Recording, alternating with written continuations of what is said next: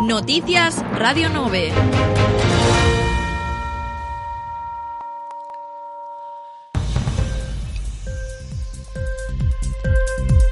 Ben, comezamos con esos titulares. A Policía Local reforza a inspección da venda ambulante en Pontareas. 20 postos ilegais foron retirados na última feira de mercado.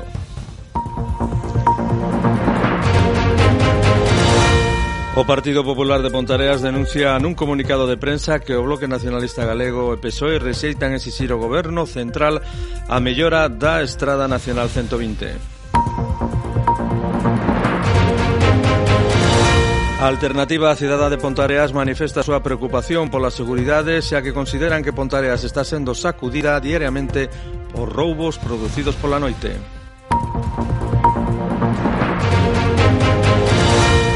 En resposta á nota de Alternativa Ciudadán de Pontareas, o goberno lembra que os datos oficiais confirman que Pontareas é un concello seguro.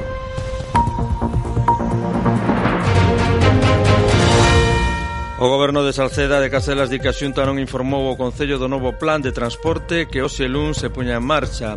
E tamén Salceda celebra mañá martes o Día Grande co desfile dos seus barrios de Barreiro e Feira. O desfile escolar do Benres, máis as actividades do sábado e domingo xunto co Botempo deron renda solta alegría e disfrute do entroido en Pontareas, aínda queda moito máis para hoxe e mañá martes.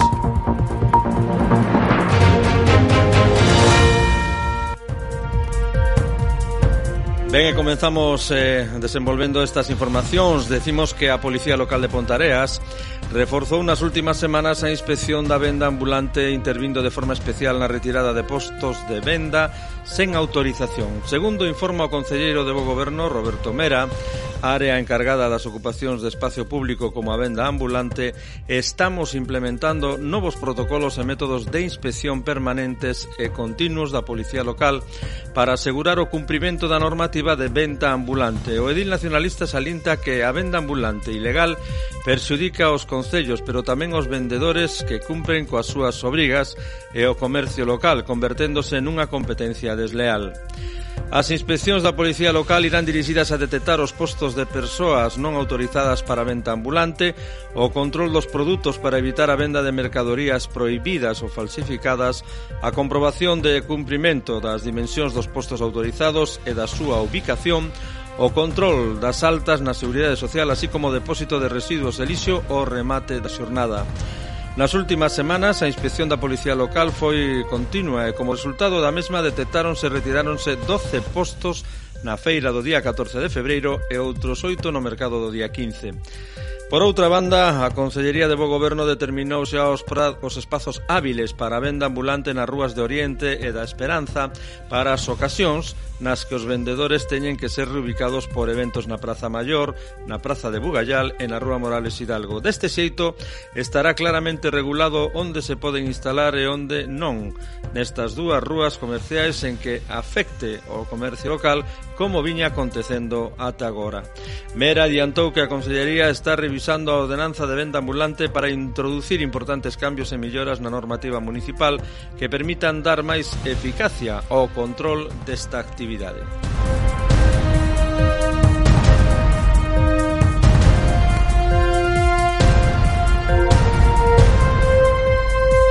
E falamos agora do Partido Popular que aplauda a decisión de colocar un paso de peón regulado con semáforo na Nacional 120, altura do IES do Barral, pero advirte de que non renuncia á súa loita por mellorar plenamente a seguridade da Nacional 120. Din non comunicado que non podemos estar completamente satisfeitos. Esta noticia ponnos en alerta, xa que o Concello está asumindo competencias que correspondían a outras administración. É unha medida que se contemplou na acción do Ministerio de Fomento para reformar e reforzar a seguridade na Nacional 120, indican os populares. En 2018, lembra o Partido Popular, o goberno de Rajoy contemplaba 6 millóns de euros nos orzamentos xerais do Estado para destinar a esta estrada. Hai un ano, despois de que o goberno de Pedro Sánchez eliminase estas partidas orzamentarias, BNG e PSOE aceptaron que o proxecto se redatase canto antes. Hai un ano, represas e garrote viaxaron a Madrid para cumprir as ordes do, e anunciaron a redacción do proxecto. Dixeron que só facían falta 2 millóns de euros. Agora, en plenas eleccións autonómicas, anuncian a redacción dun proxecto o seu paso por Sinzo Areas e Arnoso.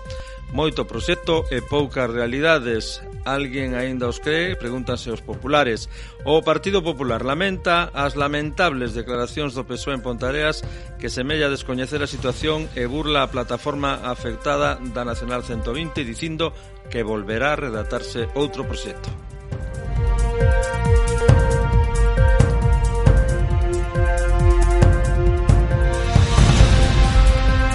Ben, e según unha nota de ACIP, a falta de patrulla nocturna provoca que os delincuentes campen as súas anchas. A viceportavoz de ACIF, Raquel Bautista Alfalla, solicita ao goberno municipal que tome medidas xa que xa o que considera unha situación insostible pois moitas noites da semana non existe patrulla de policía local, o cal provoca que os veciños sufran roubos constantemente en locais de hostelería, comercio, empresas, garaxes, etc. Todo lles vale. Isto non é algo puntual, nos últimos meses é constante, ten que haber un cambio radical na policía local e terminar xa con algo que non tería que ocorrer. É lamentable que o goberno municipal durante as noites deixa só un auxiliar de policía nas oficinas, o cal, e como se non estuvese ninguén, pois o mesmo non ten competencias e non pode realizar nada de nada. Cando lle requiren os veciños un servicio, el mesmo comunica que non ten facultades operativas como si o farían os funcionarios de policía se estivesen de servicio. O goberno municipal Benega PSOE estivo desmantelando o servicio da policía local durante os últimos 4 anos, creando unha conflictividade dentro dos asentes que desencadenou unha situación insostible, todo indicado pola man política. No ano 2010, Pontareas contaba con máis de 21 asientes, estando de concelleiro o noso portavoz Juan Carlos González Carrera, creando patrullas dobres, eh, creando controis disuasivos e seguridade cidadán o noso concello, logrando dar un servicio á altura das necesidades policías. Na actualidade, a situación é ben distinta, temos 10 policías menos, unha rebaixa dun 50%. Estes axentes fóronse a outros concellos pola conflictividade interna que creou este goberno na legislatura pasada e que segue agora. As vacantes non se sustituíron, co cal nos atopamos nesta situación tratando de liquidalo con auxiliares, que contrataron seis nestes momentos porque son man de obra manipulable para o goberno e multan indiscriminadamente. Ditas sancións son irregulares e realizan funcións para as que non están habilitados. A lei de réxime local é clara e a policía local ten a obriga de ser efectiva e estar en activo, o cal este Concello incumpre. Os veciños pagamos os impostos e non temos servicios obrigatorios por abandono político. Durante os últimos meses a indignación crece e os veciños ven como os amigos de Alleo campan as súas anchas chegando a entrar e roubar en máis de dúas ocasións no mesmo local, mentres o goberno mira para outro lado. Dita inseguridade é tal que moitos veciños temen da súa integridade ou acceder aos seus garaxes, os cales son pasto dos delincuentes. Hai certas zonas do centro urbán que non se pode pasear pola noite, o cal incrementa a inseguridade cidadán. Solicitan unha solución urxente, resolver este problema que é de obrigado cumprimento por parte do goberno BNG-PSOE.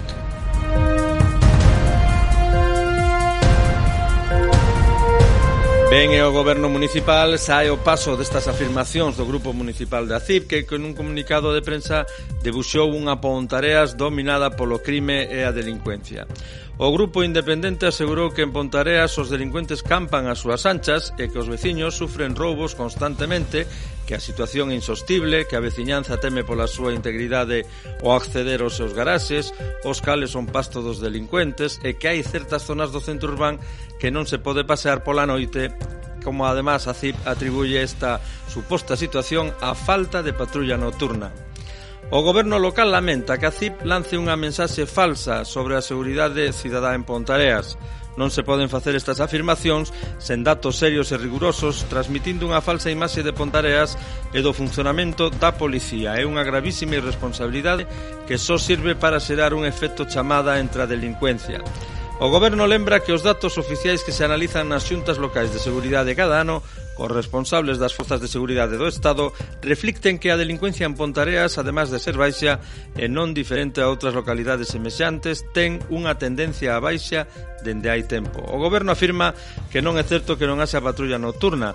Pontareas sigue mantendo a pesares de que concellos como Tui, Cangas, Bayona, A Estrada ou Carballiño tuveron que suprimila pola escaseza de personal, un problema que afecta a numerosos concellos, non só a Pontareas, como consecuencia das subilacións anticipadas que se produciron por un cambio legislativo e a lentitude dos procesos de selección de novos axentes. Respecto á plantilla, o Goberno afirma que non é certo que as vacantes non se cubrirán Todas as vacantes dende o ano 2015 estánse cubrindo a esta mesma semana. Esta mesma semana a Academia Galega de Seguridade comunicou xa a selección de catro novos asentes para Pontareas que se incorporarán no verán. Este ano tamén se iniciarán os procesos para cubrir outras tres vacantes. As únicas prazas que se perderon por non convocalas corresponden corresponderon a gobernos do PP e independentes antes de 2015.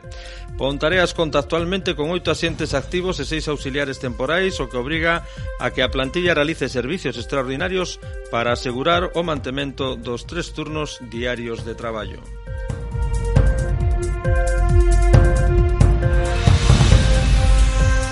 E nos vamos agora ao Concello de Salceda de Caselas porque vende manifestar a súa preocupación ante a falta de información por parte da Xunta de Galicia así como da empresa xudicataria dos horarios de autobús que existirán no municipio a partir de hoxe 24 de febreiro, día en que se produce o cambio de empresa pasando a pertenecer ao servicio a Monbus. A día de hoxe o Concello non ten ningún tipo de comunicación onde se informe do cambio de empresa nin dos posibles cambios de horarios que poidan existir feito que preocupa especialmente conscientes dos graves problemas que poden arrexar estas posibles cambios á veciñanza ante este total descoñecemento da situación. O Concello ten xa solicitado á Dirección Xeral de Mobilidade toda a información que poida facilitarse do novo servicio sen que a día de hoxe se teña recibido resposta. Lamentan dendo o Concello que a Xunta non tivese a ben informar coa antelación suficiente tanto as persoas afectadas como o Concello por ser a Administración máis próxima ás persoas usuarias. Lucía Pérez, concelleira de Transporte, di que a nosa preocupación por esta situación é absoluta e lamentamos profundamente non poder facilitar información á veciñanza. Só nos queda agardar que a partir de hoxe luz non se produzan situacións que persudiquen as persoas usuarias do transporte público e agardamos que dende a Xunta de Galicia se nos facilite información canto antes para poder trasladala á veciñanza.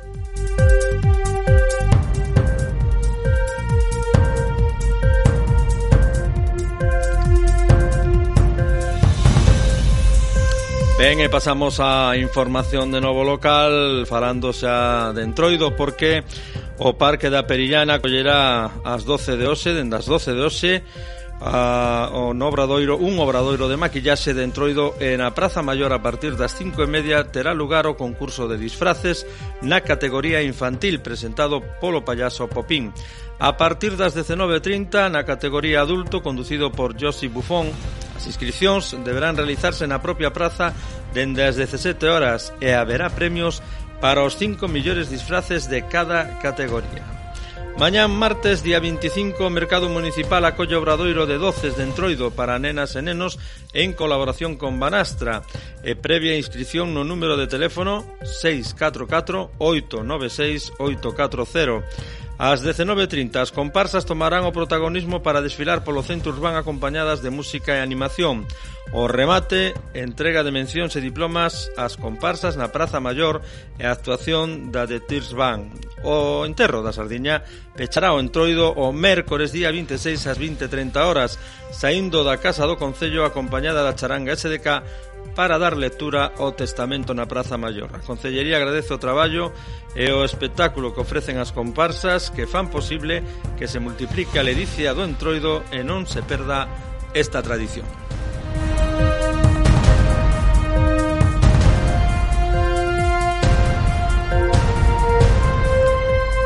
Ben, e eh, rematamos este tempo de nova recordándolle os titulares que encabezaban as nosas noticias.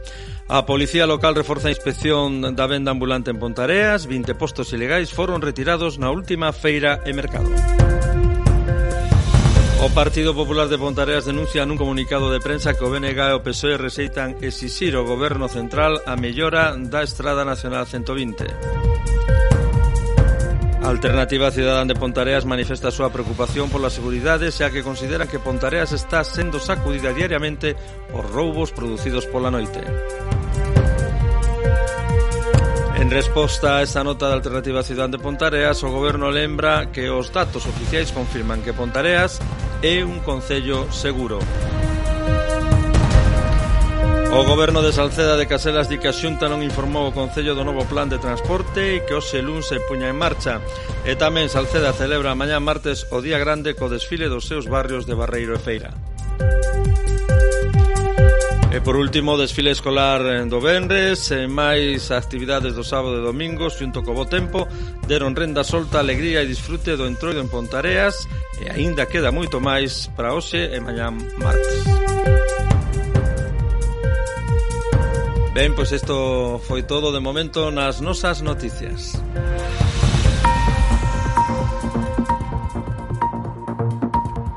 Noticias Radio 9.